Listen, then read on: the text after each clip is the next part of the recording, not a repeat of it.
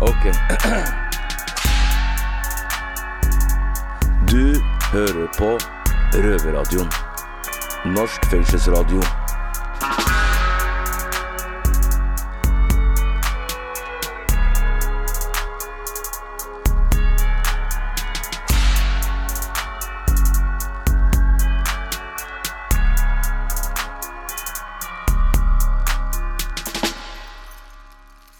Livet består av en lang rekke valg, og vi som sitter inne, har eh, fra tid til annen tatt eh, ganske dårlige sådanne. Velkommen til Røverradioen. Eh, Jeg heter Nina, Og jeg heter Maiken. og vi sitter her for første gang på lenge sammen, Maiken. Det gjør vi. Vi har ikke sittet sammen bak mikrofonene sånn siden vi begge var på høysikkerhetsavdelinga på Bredtvet. Mens Mm. nå sitter vi altså eh, nesten ute i det fri. Altså nå er Nesten vi ene beinet ute. Ene beinet ute. Nå er vi begge på frigang eh, og sitter i Røverradioens eh, kontorlokaler, altså. Eh, ute i byen. Ja, det gjør vi. Det er noe helt annet. Absolutt. Så koselig å se deg igjen, og I like måte. Ja. Finnes det i hele tatt eh, noe som heter riktig valg, og mm, hvordan kan man ta dem? I dag skal vi høre hvorfor noen velger å flykte fra konsekvensene. Og vi skal høre hvordan eh, man velger rusen foran karriere og familie. Du Nina, du sitter jo på en ganske lang dom. En veldig lang dom. Åssen var det med deg når du fikk den dommen? Tenkte du på å rømme? Eh, altså Jeg blei jo frikjent, da, vet du, i tingsretten. Så, så jeg blei løslatt etter å ha sittet i varetekt en god stund da. Og så mm, skulle det jo være hovrettsforhandlinger eh, en stund etterpå, og i den perioden der sånn, så, så må jeg ærlig innrømme at jeg tenkte jo litt på at jeg ikke hadde veldig lyst til å dra tilbake til hovedretten, men samtidig så hadde jeg jo eh, Var jeg rimelig sikker på at det skulle gå bra, da. Ja. Så, så jeg ville jo ikke utebli og på den måten virke skyldig heller, liksom. Så, men det er jo alltid angst forbundet med det og sånn. Sånn, men de store rømningsplanene kom jo først etter at jeg faktisk ble dømt, men da var det jo for seint, da satt jeg og døtte meg inne, plutselig. Ja. Ja. Så, så, men da tenkte jeg jo ikke på noe annet enn rømming, på mer enn én måte. Mm. ja. Hvor, lenge, hvor lenge satt den tanken i? Nei, eh, noen år kanskje, ja. Men- Kanskje første par-tre åra. Hva var det som gjorde at du slutta å tenke på rømming?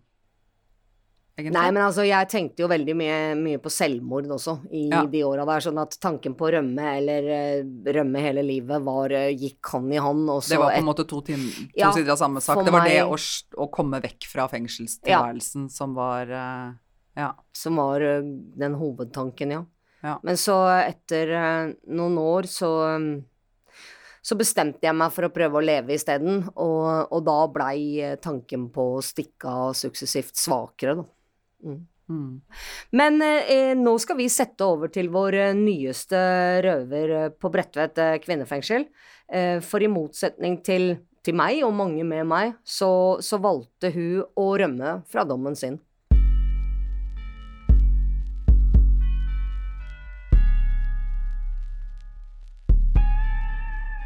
Hei, mitt navn er Sjefkie. Jeg er opprinnelig fra Kosovo og flyttet til Norge i 1990. I 2001 brøt jeg og mannen min narkotikalovgivningen, men dette er ikke historien om lovbruddet. Det skal jeg fortelle en annen gang. Dette er historien om den vanskelige situasjonen eh, vi havnet i etter lovbruddet. Da jeg var 30, 31 år, fikk jeg en jente. Året etter fødte jeg en gutt. I 2003, etter dommen falt, sto jeg overfor et vanskelig valg som mamma. Enten måtte jeg overlate mine barn til barnevernet og stole på at de ville gi dem omsorg og kjærlighet, og at de ville få det godt. Eller så kunne jeg rømme slik at jeg selv kunne ta meg av dem til de- ble 18 år og myndige. Jeg ønsket å holde familien samlet og ta vare på barna mine til de ble myndige og selvstendige. Jeg kunne ikke overlate de til staten. Derfor dro jeg og mannen min med våre barn tilbake til Kosovo. Du tenker kanskje at jeg eh, bare ville slippe unna straffen, og du får tro hva du vil, men jeg gjør det for barna. Vi var på rømmen helt fram til 2018.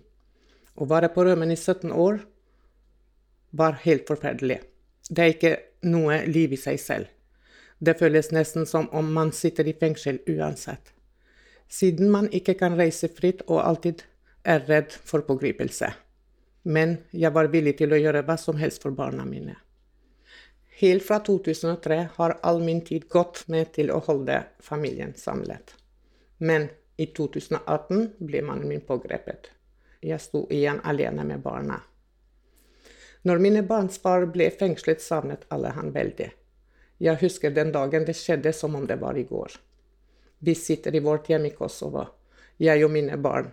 Det var en dag i mai, solen skinner, og det er varmt i luften. Jeg sto på kjøkkenet og lager en kyllinggrøt med ris, og min sønn roper fra stuen. Mamma, mamma, når kommer pappa hjem?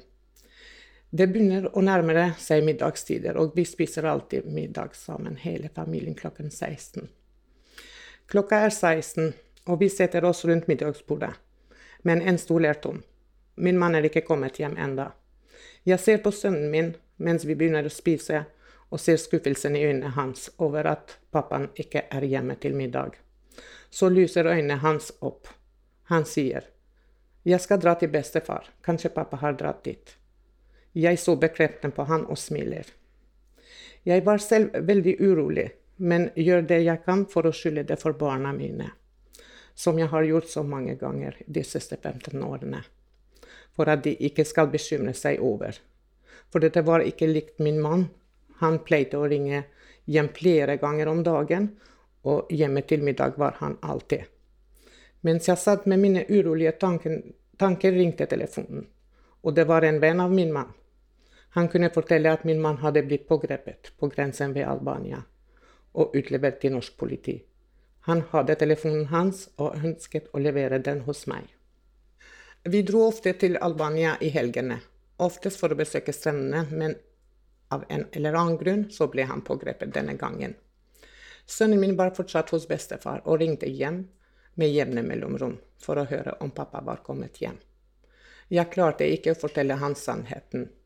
Jeg ønsket at han skulle få sove godt bare en natt til. Når jeg mottok mannen min sin telefon, sendte jeg sønnen min en melding og utga meg for å være pappaen hans. Jeg skrev. Hei, Jon. Dette er pappa. Jeg har ikke så mye batteri, så kan ikke snakke, men i kveld blir jeg sent hjemme. Jeg er glad i deg. Sov godt. Den natten sov sønnen min godt. Jeg har ikke sett mannen min siden pågripelsen i 2018. I februar 2022 ble jeg pågrepet etter 17 år på rømmen. Jeg ble pågrepet i Kosovo og utlevert til Norge. Da gjensto det kun fire måneder for min sønn fylte 18 år. Resultatet av flukten, som varte i 17 år, var at begge barna mine fikk vokse opp med sin mor. De er to fine barn som det går bra med i dag. Valget jeg sto ovenfor, var at barnevernet ville tatt over omsorgen, og for meg å overlate mine barn til staten og utsette de for unødige skader, var uholdbar. Jeg undrer meg i dag om hvordan det ville gått med dem om jeg hadde overlatt de til staten denne gangen. Min mann har fått innvilget fysisk besøk og besøk via iPad fra Agder fengsel avdeling Froland. Likevel har vi ikke kunnet møte hverandre. For eh, jeg har ikke fått den tillatelsen her på Bredtveit. Min mann skal løslates i 2024, og jeg skal først løslates i 2029. Dersom jeg ikke får innvilget besøk, vil det gå elleve år siden vi sist så hverandre. Det å ta vare på relasjoner og familier er det viktigste for meg, også under soning. Og dette sitter veldig på vår familie. Begrunnelsen på avslag er pga. ressurser og nedbemanning. Mannen min har ikke norsk statsborgerskap og vil mest sannsynlig bli sendt tilbake til Kosovo ved løslatelse i 2024. Mitt største ønske er at familieforhold skal kunne opprettholdes under soning, så vi fortsatt har en familie når vi er ferdig med soningen. Kanskje finnes det andre i lignende situasjoner som meg, og håper at dette kan belyse temaet som hvor viktig det er å kunne ha mulighet til å opprettholde kontakt og unngå unødige følelsesmessige skader under soning. Dette er fire og et halvt år siden sist jeg så deg. Jeg savner og elsker deg veldig. Shati, min Shati.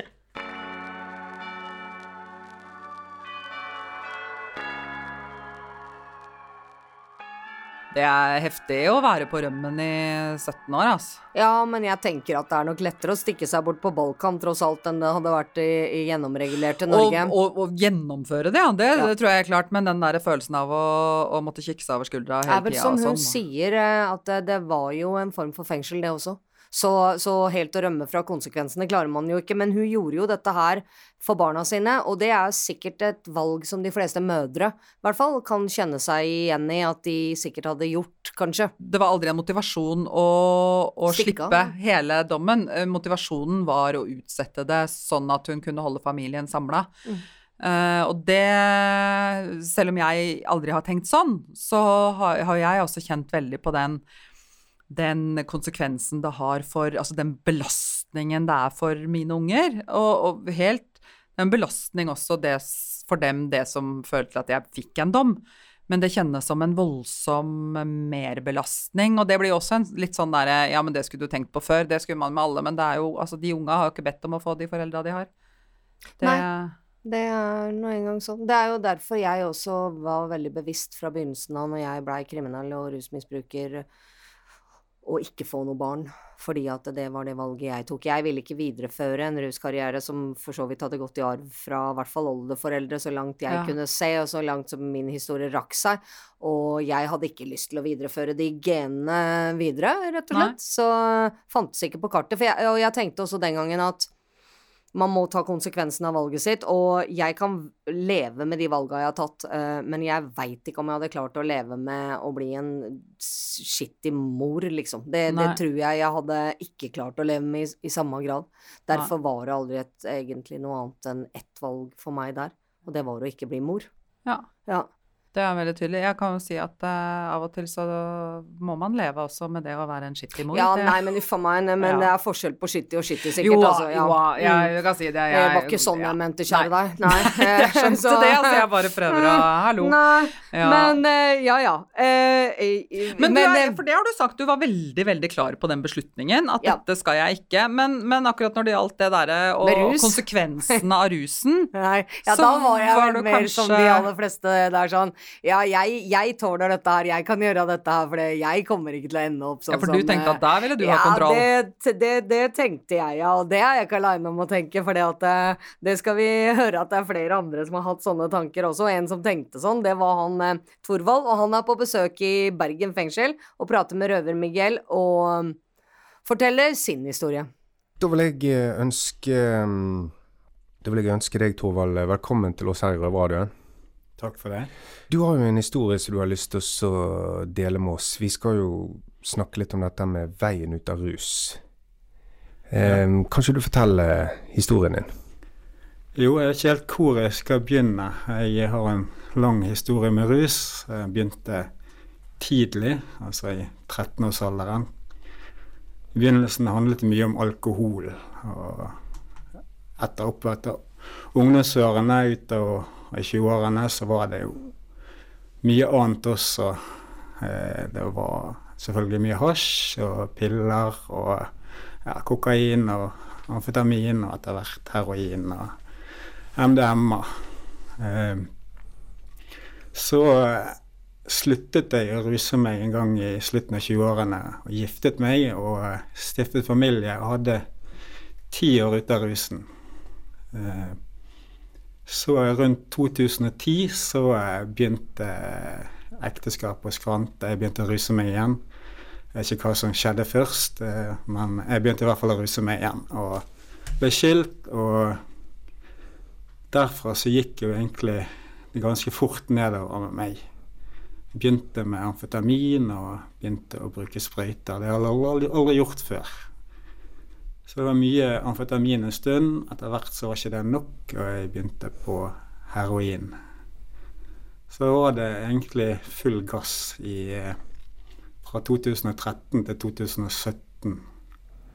Jeg klarte å holde på jobben min. Jeg er utdannet jurist og jobbet som jurist i og holdt på å ruse meg hver dag. Og satt og ruste meg på jobben og røykte heroin på kontoret. og Det gikk en stund, men helt det, det ble veldig tydelig for alle hva som foregikk. Jeg eh, mistet jobben min og selvfølgelig ble skilt og flyttet for meg sjøl. Fikk kjøpt meg en leilighet. Jeg hadde litt penger. Men ja, som det, sånn som det med rus, så eh, Så ja, det eskalerer. Og det eskalerte såpass at jeg mistet leiligheten. Jeg eh, mistet selvfølgelig jobben, og mistet alt. Til jeg slutt bodde på gaten, da, kan man si. Og livet besto i rus. Jeg var ja, Fra 2013 så la jeg meg inn i min første rusbehandling på Østlandet på noe som het alfa-behandling. Det er en sånn tolvtrinnsbehandling som er ganske intensiv. Jeg, eh, jeg var i rusfri i syv uker, og så reiste jeg hjem igjen og fortsatte. Og sånn, sånn har det gått. Jeg har vært inn og ut av rusbehandling veldig mange ganger. Jeg tror jeg har talt 15 forskjellige rusbehandlinger. Jeg har hatt tur innom fengsel, og ja. Så livet ble dårligere og dårligere. Jeg nådde til slutt bunnen. Så i høsten 2017 så la jeg meg inn i min siste rusbehandling på Askøy. Jeg var da LAR-pasient og gikk på metadon og hadde egentlig ingen forhåpninger om at, jeg, ja, at livet skulle bli bra igjen. Jeg eh, tenkte at jeg eh, kom til å bli uføretrygdet, og at ja, jeg trengte en pause fra livet på gaten. Og la meg inn i behandling og tenkte at eh, OK, nå får jeg i hvert fall noen uker her. I løpet av den behandlingen så ble jeg kjent med Roger, som er daglig leder i Wayback. Fikk snakket med han.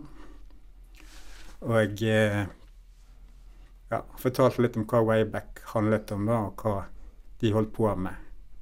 Han viste meg en fin presentasjon, eh, som jeg også går rundt og holder for andre i dag. Og så bl.a. at de holdt på med fallskjermhopping.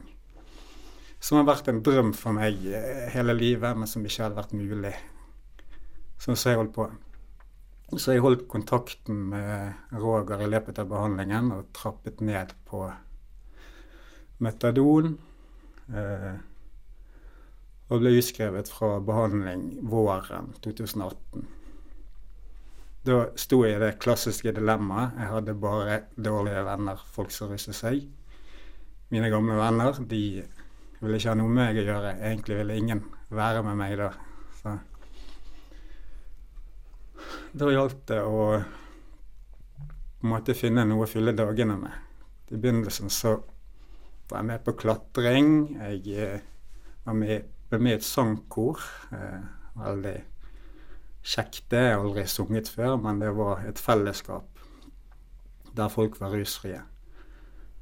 Så skjønte jeg det at eh, ja, det er mitt ansvar, og jeg må ta ansvar for dette sjøl. For at jeg har vært så hele tiden pekt på andre, det er alle andre sin feil at jeg måtte ruse meg. Det var jeg rusbehandlingen virket ikke. Var, jeg var ganske bitter på veldig mange. Jeg eh, fant ut at ok, det er kun meg som kan gjøre noe med dette. Jeg, eh, så jeg trappet av. og var, ferdig avstraffet på LAR våren 2018 og begynte å jobbe for Wayback eh, en gang på høsten. Så måte, veien ut av rusen har handlet om å finne fellesskap da, med andre som er rusfrie, som har jo samme mål som meg. Det har vært, eh, jeg har vært god hjelp av å delta i selvhjelpsgrupper, type anonyme narkomane, anonyme alkoholikere. Så jeg har gått veldig mye på de møtene og truffet andre som er i samme situasjon. Samtidig så har jeg jobbet i Wayback og har hjulpet andre som også er rusavhengige. Og gjennom å hjelpe andre, så har jeg også hjulpet meg sjøl. Så ja. Så i dag holder jeg på. I dag er livet helt forandret. Jeg, eh, nå er det vel snart fire og et halvt år siden jeg var ja, sist brukte noe illegale rusmidler. Eh, I dag er jeg helt rusfri. Jeg eh, har også kuttet ut alkohol, som også jeg tenker på som et rusmiddel som ja, kan bringe meg tilbake til til andre ting. Så ja, jeg er i full jobb i dag og driver med veldig mye. Mye. Jeg har funnet veldig mange nye aktiviteter. Det er trening, det er løping, svømming. Spiller paintball og hopper fallskjerm, som var liksom drømmen, den uoppnåelige drømmen som jeg hadde ja, mens når jeg var på bånn og ikke skjønte hvordan jeg skulle få det til. Mm. Så ja, det, jeg tenker at det er et uh, livslangt prosjekt, dette her. Jeg uh, må fortsette å holde meg unna folk som ruser seg. Jeg, uh, men så lenge jeg er i et fellesskap med andre som også rusfrie, som også ønsker det samme som meg, så, så føles det lett i dag. da. Mm. Og det er jo, altså vi, Først vil jeg bare si vi setter veldig stor pris på at du deler historien din. Det er, jeg tror det er fantastisk viktig at folk hører at det er en mulighet. Og det er jo ikke noe hemmelighet det at veldig mange, så, spesielt av de som sitter her, altså i fengselet, de sliter jo med akkurat det med rus. Og, og eh, når du snakker om dette med Altså man har et fellesskap, man har en tilhørighet et sted. Det høres ut som det, det har vært en sånn nøkkelfaktor for å komme seg ut av det. Stemmer det? Ja, det, det jeg tror det er i stor grad det det handler om. Eh, også det å bestemme seg, kanskje. Altså Du må ta et oppgjør. Du må ta et oppgjør med deg sjøl, innse at uh, dette er ditt eget ansvar å, å gjøre noe med det. Uh, det er ingen andre som kan gjøre det for deg. Du, du må ville det. Mm. Og, det, og, det, og jeg syns det er en annen ting som er interessant, som du sier. altså Du kommer jo fra Du har en veldig god utdannelse. Du har hatt en god jobb, du har etablert deg med familie og hatt, altså gjort alle de tingene som kanskje forventes at de fleste av oss skal gjøre. Eh, men, men, det der med rus og den problematikken der, det eksisterer jo i altså hele samfunnslaget. Det er ikke bare én spesifikk gruppe som sliter med rus. Nei, absolutt. Jeg var jo veldig arrogant Jeg tenkte at jeg er ressurssterk. Jeg, er, jeg er i hvert fall ikke sånn som de som du ser på gaten, som ruser seg. Eh, jeg tenkte jeg blir ikke avhengig, men eh, det ble jeg. Mm. Og rusen er så sterk at jeg var villig, eller ofret alt for rusen. Altså ekteskap, jobb, bolig, økonomi. Jeg satt igjen med ingenting, eh, og fremdeles så bare fortsatte jeg. Så det er mm. sterke krefter i sving. da. Det er det nok. Men um, Og det er jo inspirerende å høre. altså Du står her i dag, du har vært rusfri over fire og et halvt år. Du er i jobb, du har på en måte klart å reise deg. Og um, det er jo altså det er utrolig fint å høre at det er fullt mulig.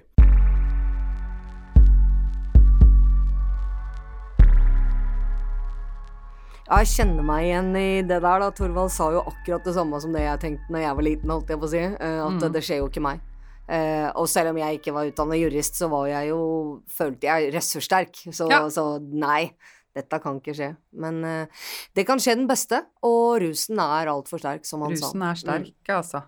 Men det... lykke til videre, Torvald. Og ja, herregud, stå lykke på. til.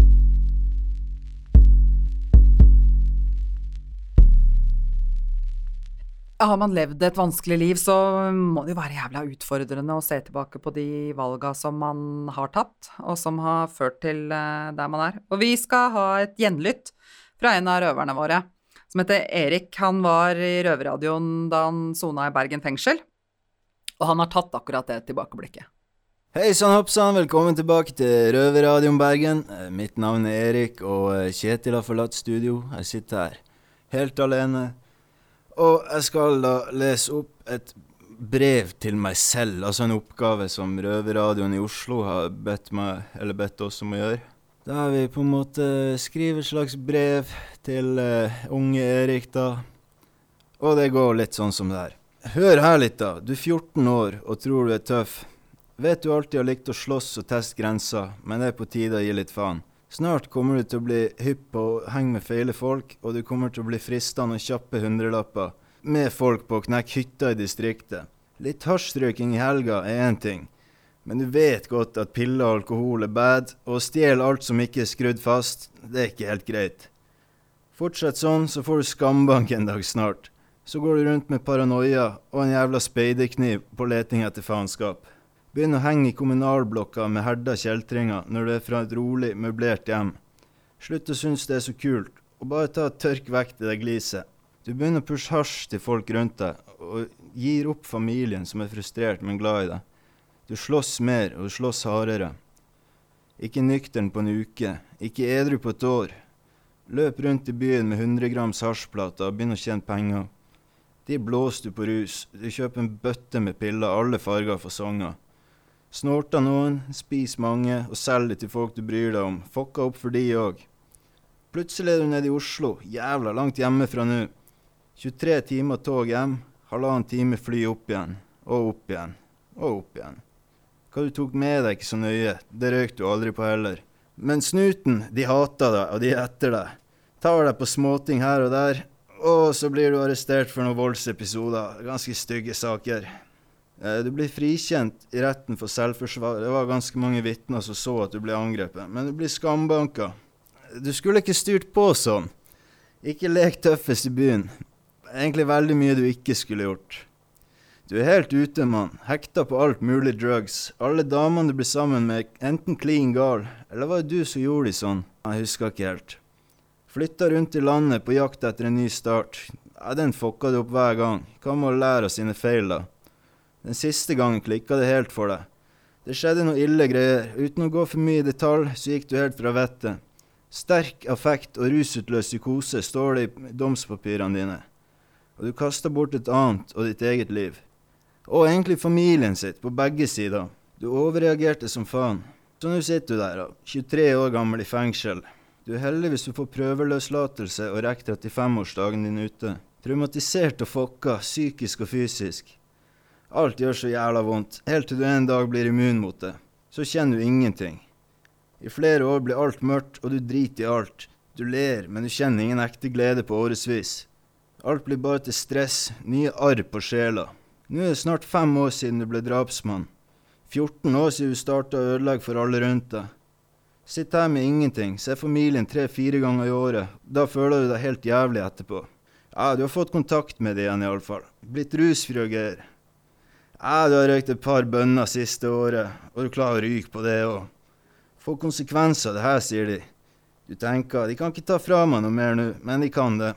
Helt forbanna svidd i skallen blir du. Fra å ha over fem i snittkarakter til å slite med å holde en jævla tankerekke. Sorry å si det, men tror ikke det går over. Noe er permanent galt med deg. Du blir redd for livet, ikke døden. Så bare gi faen i å selge halvliter av brennevin og gjøre innbrudd. Vær så snill, da.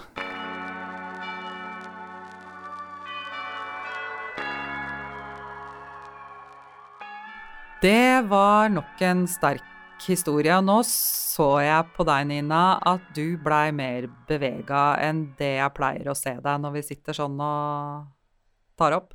Jeg syns, eh, jeg syns han fortalte historien sin så veldig ærlig og rått og usminka at eh, det gikk rett inn i hjerterota på meg. Det gjorde det. Så mm, til ettertanke, det der. Ja. Um, Christian uh, har vi jo hørt fra før. Han har sittet inne til sammen ca. tolv år. Mm. Første gangen var han ca. 19, og i dag er han i midten av 40-åra og helt til slutten av en dom. Og han har tenkt litt på åssen man kan takle det å komme i fengsel, uh, og det vil han dele med deg. Du driter deg ut, og du blir fengsla.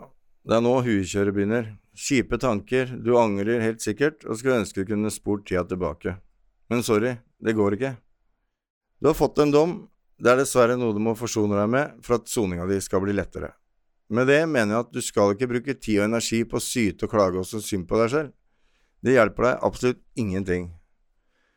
Finn heller roen og innfinn deg med at her skal jeg bli en stund, og fokuser heller på hvordan soning du vil ha. Det er nå du skal huske at du har flere valg. Det er fullt mulig å prøve å ruse seg gjennom soninga, for tilgangen vil alltid være der. Men rus kan virke bra der og da, men blir du tatt som de fleste blir, vil det gjøre soningen din veldig komplisert. Valget er ditt. Betjenter kan være roten til mye frustrasjon.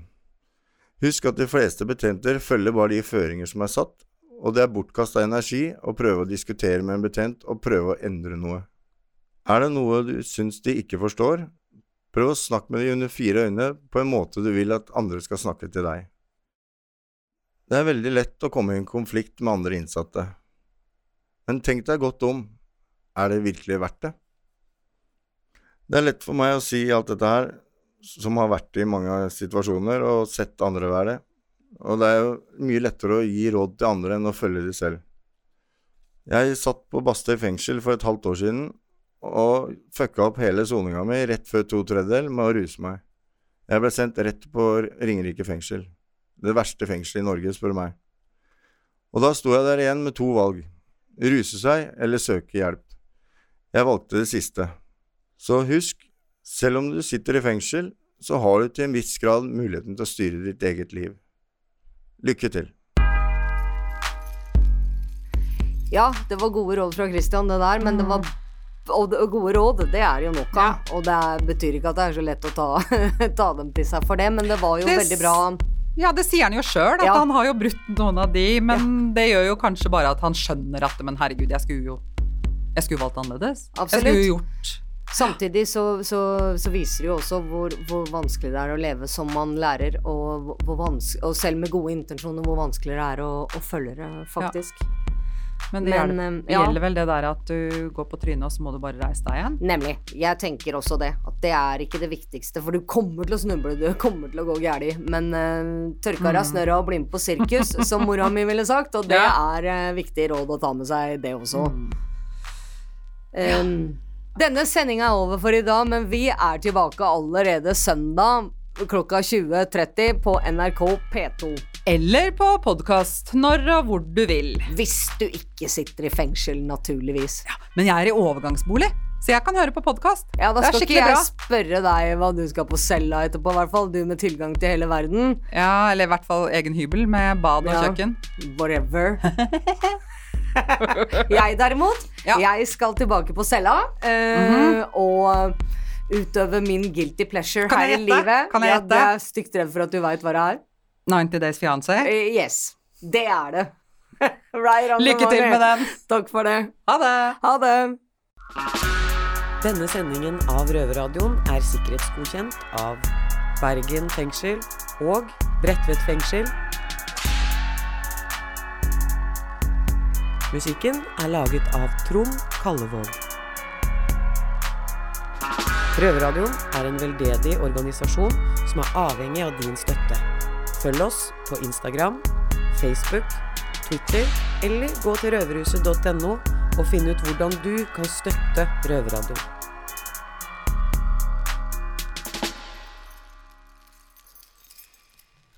Om du trenger å snakke med noen, ring Mental Helses hjelpetelefon på 116 123, eller gå inn på mentalhelse.no.